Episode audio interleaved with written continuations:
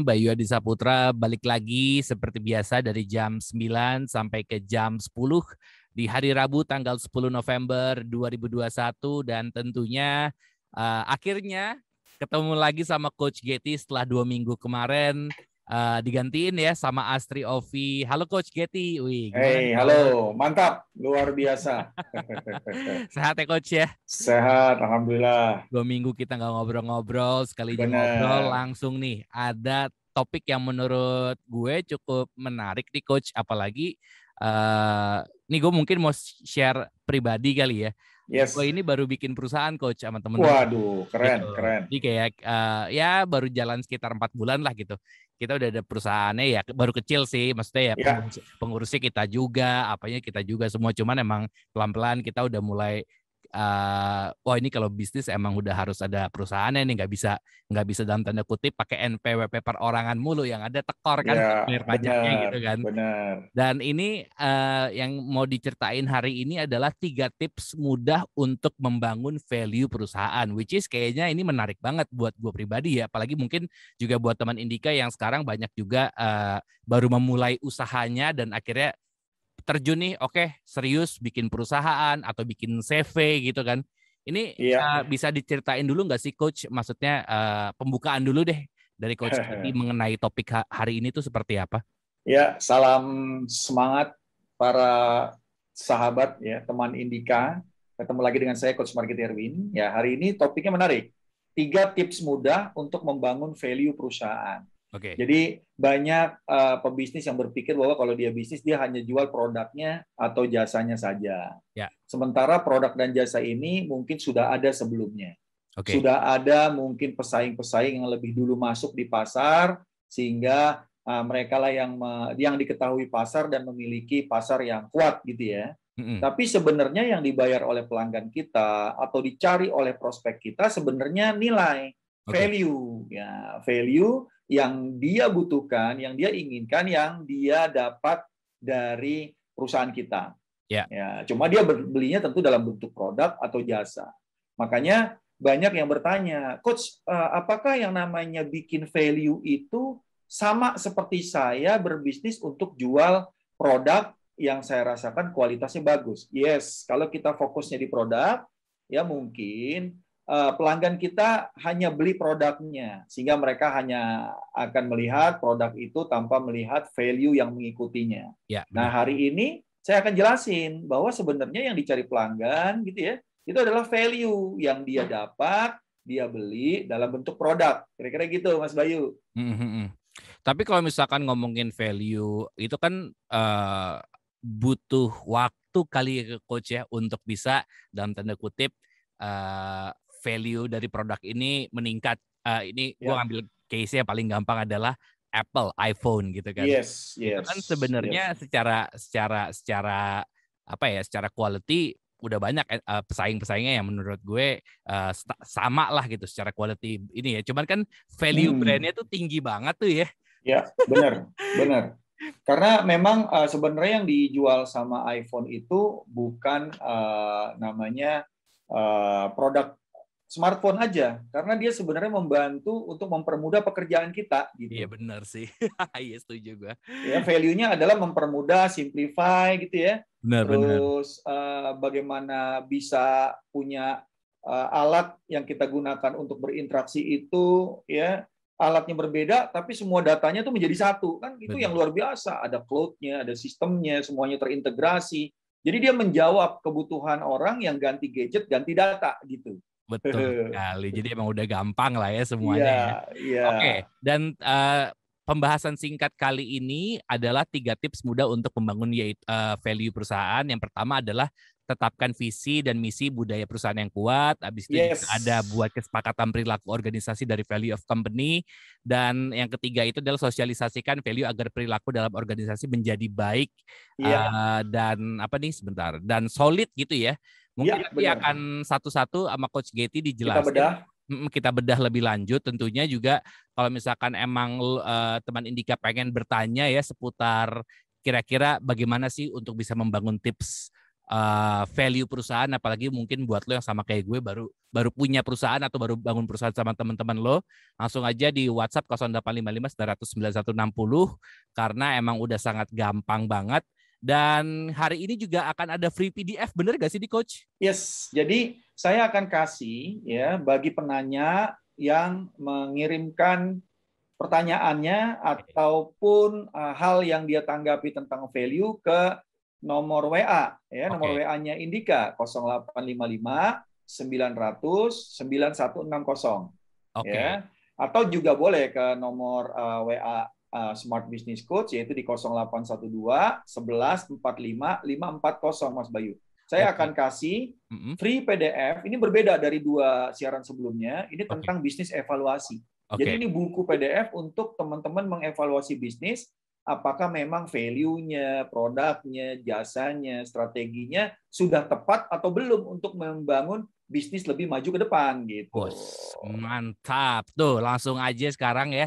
Langsung sikat pertanyaan. Sekali lagi lu bisa WhatsApp di 0855 99160. Yes. Kita langsung masuk uh, pembahasan yang lebih in-depth nih, Coach, mengenai bagaimana cara membangun value-value perusahaan. Tiga tips. Tips yang pertama apa nih, Coach?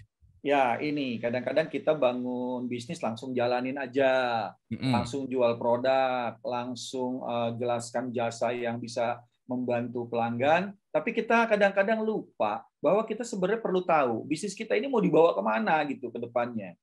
Ya, mm-hmm. 20, 30 tahun kita tuh ingin bisnis kita itu apa yang kita capai dalam jangka panjang. Ya kita nyebutnya visi. Visi ini bisa juga ratusan tahun. Yeah. Kenapa?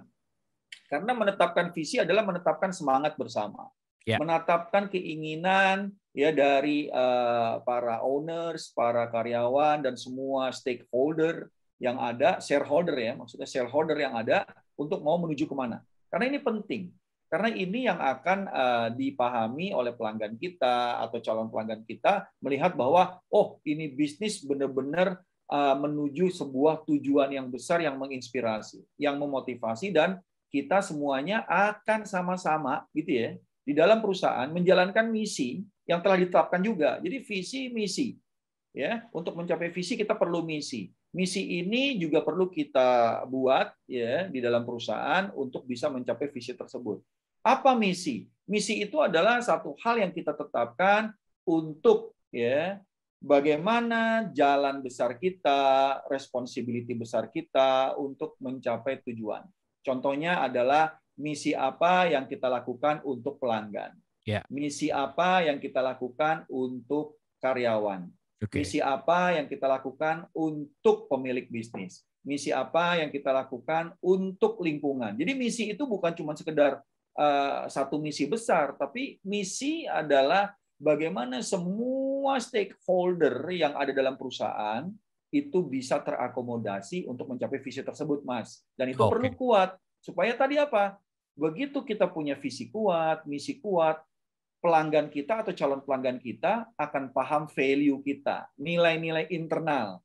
Ya, di situ baru kita sama-sama merancang, menetapkan yang namanya budaya perusahaan. Itu juga menerap, menjelaskan kepada orang luar bahwa kita punya visi, misi, budaya, atau kita paling kerennya adalah value of company gitu ya.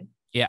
Yang benar-benar dibutuhkan atau diinginkan oleh semua orang di sekitar kita. Kira-kira gitu Mas Bayu. Ini adalah hal pertama nih yang hmm. benar-benar menjadi satu kondisi yang harus kita pahami gitu. Fondasi lah ini coach. Fondasi. Ini fondasi besar. Mm-hmm. Ya, ini fondasi besar. Karena begitu orang merasa, oh iya nih saya beli kopi ini tapi saya tidak dapat cuman kopi. Saya dapat misi dari perusahaan kopi ini atau kafe kopi ini bahwa dia ingin menjelaskan nikmatnya kopi Indonesia ya misinya mengenalkan yang namanya budaya Indonesia lewat kopi. Itu berbeda dengan hanya jualan kopi. Betul, betul sekali ya. Jadi kalau emang bisa dibilang ini cukup penting banget dan kalau misalkan di sini uh, tadi kan coach juga bilang nih, tentukan yes. dan sepakati value yang penting yang diperlukan untuk menjalankan misi perusahaan. Yes. Ini kalau misalkan uh, eh, gue lihat ada nilai penting bagi pemilik bisnis, bisnis pelanggan, karyawan ya. dan juga nilai penting untuk si bisnisnya sendiri gitu ya. Itu ada empat empat poin ini yang benar-benar harus diperhatikan banget Yes, empat poin ini harus diakomodir. Misalnya nilai penting bagi pemilik bisnis. Pemilik bisnis itu kan ingin menciptakan kesejahteraan, oh, baik iya, dirinya, gitu kan, maupun untuk semua orang yang ada di dalam bisnisnya, karyawannya. Ya. Nah, misi itu perlu terakomodir. Kalau misalnya melakukan bisnis tidak menuju sejahtera, berarti dia bukan bisnis, mungkin yayasan. Tapi yayasan aja juga bisa menghidupi dirinya sendiri kan gitu kan. Betul, betul, betul. Yang kedua, misalnya nilai penting bagi pelanggan. Pelanggan kita ingin apa? Kualitas. Berarti misi itu ada menjaga kualitas, menginovasikan. Itu kata-kata itu harus ada di misi. Jadi orang yang membaca, wah ini produknya pasti terus tumbuh pasti selalu memberikan terbaik karena ada value yang dimiliki oleh perusahaan yang concern banget kepada misalnya inovasi. Kayak gitu. Oke, okay, nah. uh, pertanyaan dari uh, gua pribadi nih coach. Maksudnya Silakan. untuk menentukan menentukan uh, mission perusahaan atau misi dari perusahaan ini baiknya itu ketika sudah memulai atau along the way bisa hmm. berubah-berubah seiring hmm. dengan dengan mungkin kan uh, learning by doing ya, apalagi perusahaan-perusahaan baru gitu kayak yang kecil-kecil yeah. lah gitu. Kita ngomongin yang kecil-kecil dulu gitu coach. Yeah. Yeah. Uh, atau uh, dari awal tuh bang udah harus dikuatin banget, tapi ya yes. ya mungkin bisa adjustable ketika seiring berjalan waktu atau kayak gimana sih coach? Nah, sebenarnya ya, hmm. sebenarnya kan gini, kadang-kadang kita ini berkumpul, ngobrol bareng, terus bilang gini, eh kita bikin bisnis yuk, kan kita uh, punya keahlian yang sama nih, misalnya di bidang musik gitu ya. Nah, itu adalah satu hal awal niat membangun bisnis untuk membangun dengan kemampuan bersama, keahlian okay. bersama. Oke. Okay. Nah, dari situlah sebenarnya visi, misi dan culture bisa dibuat tuh Mas Bayu okay. dari awal. Ya, Jadi ya. kadang-kadang ya. kita main kumpul aja, kita sepakat aja, tapi kita tidak bertanya. Lu dengan masuk di bisnis gua jadi shareholder, niat besar lo apa? Nah, kita harus diskusi nih sama hmm. semua shareholder. Hmm. Samakan visinya. Kalau hmm. begini, lu semua setuju nggak? Karena visi itu harus menjadi tujuan bersama yang benar-benar menginspirasi dan memotivasi semua uh, pemilik bisnis di awal dari membangun bisnis. Okay. Kalau di tengah itu kadang-kadang gini, di tengah nih udah jalan, udah ada yang merasa gini, ini bisnis kan tumbuh gara-gara gue. Okay. Ini bisnis kan uh, besar karena gue, klien gue. Enggak, yeah. ini bisnis besar karena apa? Karena gue yang lebih ahli dari lo semua. Hmm. Padahal yang namanya bisnis kan kita menyatukan yang namanya sumber daya. Betul. Resource bersama yang kuat kita jadiin satu, kita jadi kuat dalam bentuk perusahaan. Kan gitu Mas hmm, Bayu. Hmm. Hmm. Nah, saya khawatir kalau kita buatnya di tengah, mulai muncul ego-ego dari masing-masing pemilik bisnis karena merasa berperan. Nah, itu dia tuh. Nah, itu yang menjadi akhirnya pada jalan sendiri-sendiri. Kenapa? Karena agak susah kita menentukan value of company karena visi misinya nggak jelas gitu penting banget nih ya pondasi itu buat teman Indika apalagi mungkin banyak juga yang sekarang berbisnis uh, gara-gara temen dari kecil gitu kan yes. nongkrong-nongkrong terus eh kita kan udah kenal deket nih kita bikin bisnis kali eh ternyata pas kerja bareng ternyata nggak cocok kan ada juga kayak gitu ya coach ya? iya karena gini kita jangan bilang coach kita nih nggak cocok dalam hal perilaku dalam hal dia tuh orangnya males coach dia itu orangnya ego coach mikirin diri dia sendiri Hmm. No, perilaku kita kalau visi misi culture kita cocok, kita akan saling bisa mengisi. Betul. Akan saling bisa melengkapi, Mas Bayu. Ini karena ngomong. Hmm. benar. Karena ngomong ini masalah identitas nih. Kalau kita bicara visi misi uh, culture perusahaan ini adalah identitas perusahaan. Betul sih. Nah, kalau kita bicara tentang visi saya, misi saya pribadi, itu identitas diri saya. Ya, Tapi ya. kalau identitas yang berkumpul ini nggak sama, Mas, jadinya ribut. Ribut. Gitu. ya attitude perusahaan penting lah ya dan abis penting. ini kita juga bakal ngomongin soal attitude yes. ya di sesi berikutnya teman Indika dan sekali lagi apa pun pertanyaan lo seputar uh, mungkin lo baru bikin company atau bikin bisnis bisa langsung aja lo WhatsApp di 0855 99160 masih gue tungguin karena lo pun juga bisa mendapatkan uh, free PDF business evaluation, free business diagnose ya coach ya benar ya? Yes, benar. Nanti yang pebisnis silakan WA, saya butuh bisnis diagnosis, nanti tim saya akan menghubungi. Gitu. Yes, bisa di 0855 9160 atau di 0812 114 5540. Kita tunggu pokoknya ya. Yang kedua ini adalah uh, tadi kita ngomongin soal ya attitude gitu ya, attitude of company value. Yes. Ini maksudnya seperti apa nih Coach Getty? Jadi setelah pertama tadi kita tetapkan visi misi dan culture yang kuat, kita ya. juga perlu di tips keduanya menyepakati perilaku turunan dari culture of company tadi, value of company tadi gitu. Ya. Ada yang nanya Mas Eko, apa bedanya value sama culture? Yang namanya value ya itu melekat di diri kita. Oke. Okay. Begitu kita bersama-sama bikin value of company, itu bisa kita jadikan culture di dalam perusahaan. Ya. Ya, budaya dalam perusahaan. Eh, macam-macam. Beda-beda perusahaan kadang-kadang dia beda bagaimana cara menentukan perilaku yang cocok, perilaku yang diinginkan untuk di, bisa digunakan atau bisa dijadikan panduan bagi seluruh karyawan di dalam perusahaan. Ya. Ini penting. Misalnya contohnya, coach eh, kita punya value profesional. Kalau punya value profesional, perusahaan harus bisa menjabarkan yang dinamakan profesional itu seperti apa. Nah, jangan cuma kata-kata profesional. Jadi attitude perilakunya harus kita turunin. Kita hmm. sepakati. Oh, oke, okay, profesional adalah saya bekerja sesuai dengan keahlian dan kemampuan saya yang bertanggung jawab dan memberikan pelayanan terbaik bagi pelanggan saya. Nah, itu ada kata-katanya, itu ada kalimatnya yang kita harus turunkan dari kata-kata profesional. Oke. Okay. Ada yang tanya, kenapa begitu, coach? Gini, kalau kita bilang, saya jujur kok, teman kita bilang, saya jujur. Tapi jujur itu berdasarkan persepsi perilaku masing-masing. Ya.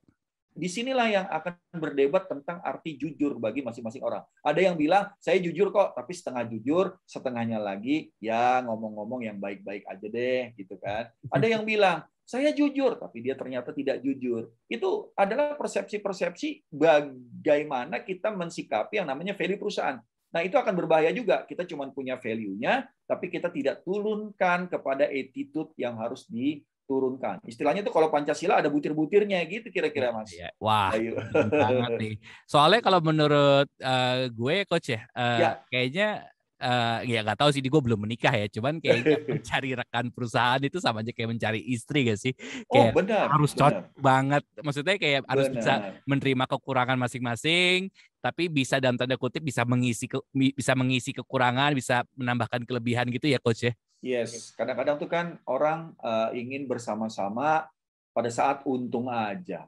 Nah, hmm. kalau kita bikin perusahaan kan rugi juga kita harus pikirin. Iya, benar. Eh, store modal lagi nih untuk kita mau terus apa enggak. Akhirnya bilang, aduh, gua enggak deh. Nah, begitu ada yang enggak deh, dia mau dia keluar dibeli sahamnya oleh salah, salah apa uh, mungkin pemilik bisnis yang lain, ya. Atau hmm. mungkin ada orang masuk untuk membawa uang. Nah, ini mau masuk, mau keluar, tapi sepakati. Visi, misi, dan culture company yang sudah ada, itu perlu disepakati.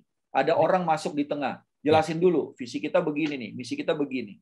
Oke. Okay. Kalau kita nggak ada visi, misi, dan culture tersebut, orang masuk di tengah, bisa aja dia lebih dominan membawa visi misinya dia sendiri, Mas Bayu. Ah, benar, itu dia tuh.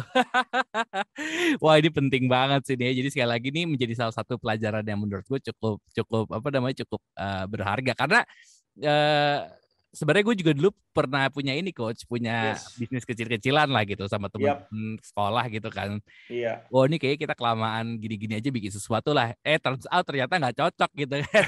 Jalan kirain cocok, kirain selama temenan cocok ternyata belum tentu pas bekerja bareng bisa cocok juga ternyata nggak yeah. nggak jadi jaminan juga ya.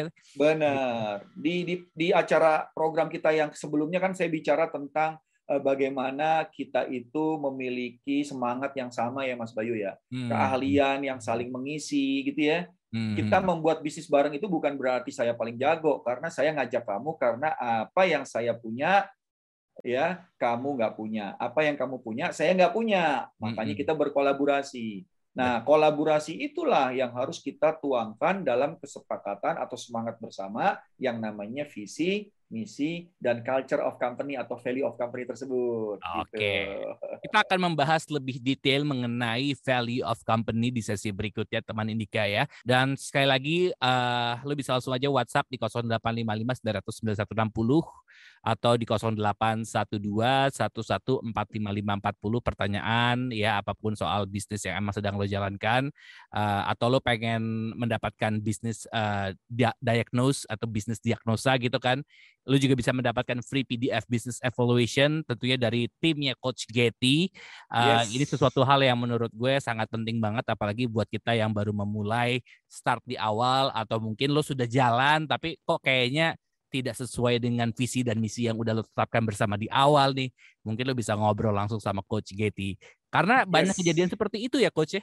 Banyak, banyak. Artinya ada apa? Kadang-kadang ada visi, ada misi, ada culture. Udah ada, ya terus dia turunkan juga kesepakatan perilaku dia punya juga tapi Nah, ini tips ketiga nih, dia lupa sosialisasi. Oke. Lupa jelasin ya kepada karyawan ya.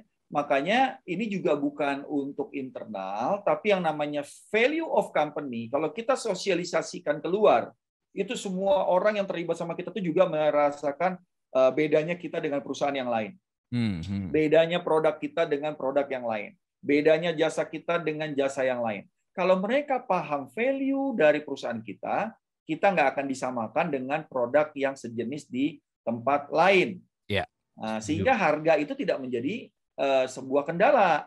Ya. Harga kita mahal karena kita berikan value yang lebih. Oke. Okay. Makanya visi misi culture ini perlu Anda siapkan dalam perusahaan Anda untuk Anda jelaskan di awal dari Anda menjelaskan apa produk, apa jasa yang Anda berikan. Karena visi misi culture di awal menjelaskan itu akan membuat ya pelanggan kita atau bisnis partner kita merasa ini nih yang saya cari karena value-nya jelas, targetnya jelas. Itu hal awalnya Mas Bayu.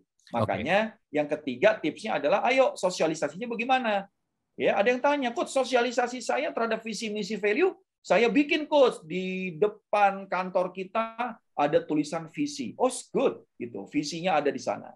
Ada banner yang menjelaskan misi. Ya kadang-kadang kalau di perusahaan korporasi besar ada televisi yang uh, memunculkan preview dengan slide berganti tentang visi, misi, target, quality uh, apa yang namanya fokus mereka gitu ya. Itu juga merupakan salah satu strategi sosialisasi Mas Bayu. Oke. Okay. Dan ini uh, bisa dibilang salah satu strategi yang dilakukan sebenarnya untuk bisa mendapatkan value of company menjadi kuat atau yes. mungkin uh, jadi bernilai gitu ya coach ya. Iya. Itu seperti apa sih strateginya? Nah, untuk ke internal, pada saat kita bicara value, bukan sekedar teori. Misalnya kita bilang profesional. Kita harus melatih tim kita yang namanya profesional itu seperti ini. Cara bicaranya, cara melayaninya, kata-kata dalam menjawab email orang, hmm. memberikan tanggapan, protes, atau kritikan dari pelanggan, itu semua adalah mencerminkan value of company. Ya. Jangan sembarangan jawab atau berbicara kasar yang tidak disarankan atau tidak pernah diajarkan oleh perusahaan. Itu hmm. jadi itu jadi masalah pribadi. Hmm. Itu. Ini kadang-kadang yang kita masalah kita adalah belum tahu gitu ya, kita tidak paham karena tidak ada sosialisasi sehingga kita kadang-kadang menjawab pertanyaan pelanggan berdasarkan persepsi pribadi. Itu nggak hmm. boleh. Jawaban kita baik itu di publik, baik itu di media sosial, tanggapan atau apa pun yang kita lakukan itu adalah bahasa perusahaan, bukan hmm. bahasa kita gitu, cuman hmm. lewat kita. Nah, ini sosialisasi ini penting. Sehingga dari situ produk dan jasa kita akan mendapat persepsi baik wow. di pelanggan. Ya, apalagi soal jasa nih Mas Bayu. Musik yeah. ya iya. kayak saya coaching, jasa. Ini Benar. adalah hal yang sangat kritikal, yang sangat sensitif tentang value, Mas. Betul. Karena nggak ada bentuknya. Karena nggak ada bentuknya. Eh, Karena menurut bentuknya. menurut menurut gue uh, kayak kita nih coach ya yang di jasa gitu kan. Yep. Itu mungkin uh, orang pelanggan itu lebih kenanya tuh di experience-nya kali ya. Yes. Maksudnya kalau misalkan kayak iPhone kan yang bisa bisa bisa bisa dibandingin tuh oke okay, iPhone, yeah. Samsung atau apa gitu yang yang yeah. bentuk barang gitu. Cuma kalau yeah. jasa kan mungkin dibandingkannya adalah dengan experience ya.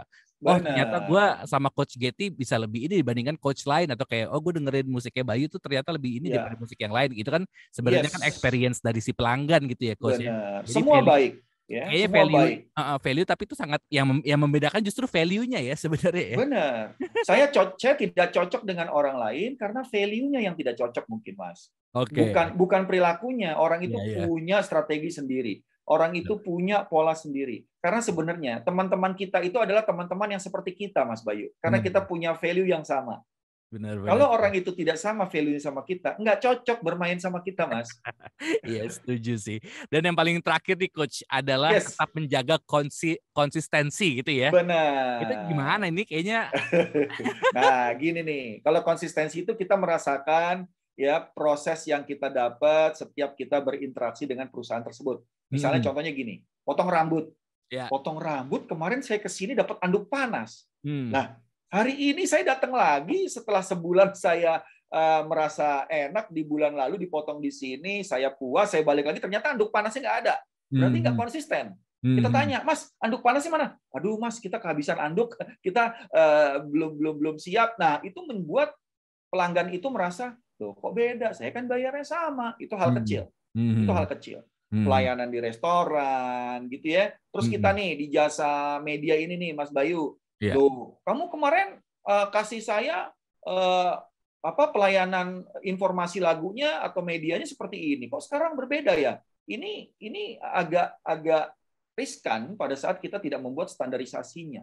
Hmm, hmm, hmm. Di situlah konsisten berdasarkan standarisasi. Standarisasi itu harus mencerminkan value of company. Ya. Sehingga di situlah pelanggan itu terus-menerus mendapatkan pelayanan, ya, mendapatkan produk atau jasa kita yang mereka rasakan inilah yang saya butuhkan value-nya. Nah, Wah, mantap banget. value. Kita recap ya coach ya. Berarti Yes. yang pertama itu adalah tiga tips mudah untuk membangun value perusahaan, tetapkan visi, misi dan budaya perusahaan yang kuat. Yes. Habis itu buat kesepakatan perilaku organisasi dari value of company dan yang terakhir adalah sosialisasikan value agar perilaku dalam organisasi menjadi baik dan solid. Ini pembahasan yang Nah. menurutku cukup in-depth lagi, tapi mungkin Coach Getty pengen nambahin eh, buat teman Indika. Gini, teman-teman, berbisnis ini bukan masalah jual barang ya dan melayani pelanggan Anda berdasarkan persepsi baik Anda. Oke. Tapi Anda perlu sepakati oleh seluruh anggota perusahaan yang ada, seluruh karyawan yang ada untuk bisa memberikan value yang terus baik setiap waktu Yes. dan perlu disepakati standarnya ada di mana. Oke. Dan standar itulah yang kita gunakan sebagai guidance, sebagai frame untuk kita menjalankan misi perusahaan agar visi tercapai. Yes. Ya, kalau kita bicara kelihatannya mudah, tapi ternyata bikin visi misi dan value ini perlu waktu. Ya. Sosialisasinya pun perlu strategi. Ya. Makanya di awal-awal sesi saya mendampingi klien bisnis saya, inilah yang saya tekankan supaya mereka tahu ke mana mereka mau menuju di bisnis dan apa yang bisa mereka berikan lebih sehingga pelanggan mereka puas. Gitu Mas Bayu. Mantap sekali Coach Getty ya. Ini satu jam sebenarnya nggak cukup, cuman nggak apa-apa deh. Minggu depan kita ketemu lagi sama Coach Getty. Siap, siap. Coach Getty terima kasih banyak tentunya buat teman Indika sekali lagi nih kalau misalkan eh, lo masih bisa bertanya langsung deh kepada Coach Getty karena masih dibuka ya WA-nya di 0812 114 5540 atau di 0855 99160 karena eh, yang beruntung akan mendapatkan free PDF business evaluation dan juga free business diagnostic. Tentunya ini sangat penting banget apalagi buat lo yang emang baru memulai bisnis. Coach Getty terima kasih banyak. Kita ketemu Sama-sama. lagi minggu depan dan tentunya teman Indika di sini juga bakal ada Ajeng di nanti yang bakal nemenin sampai nanti ke jam 4 sore. Makanya tetap di Indika FM.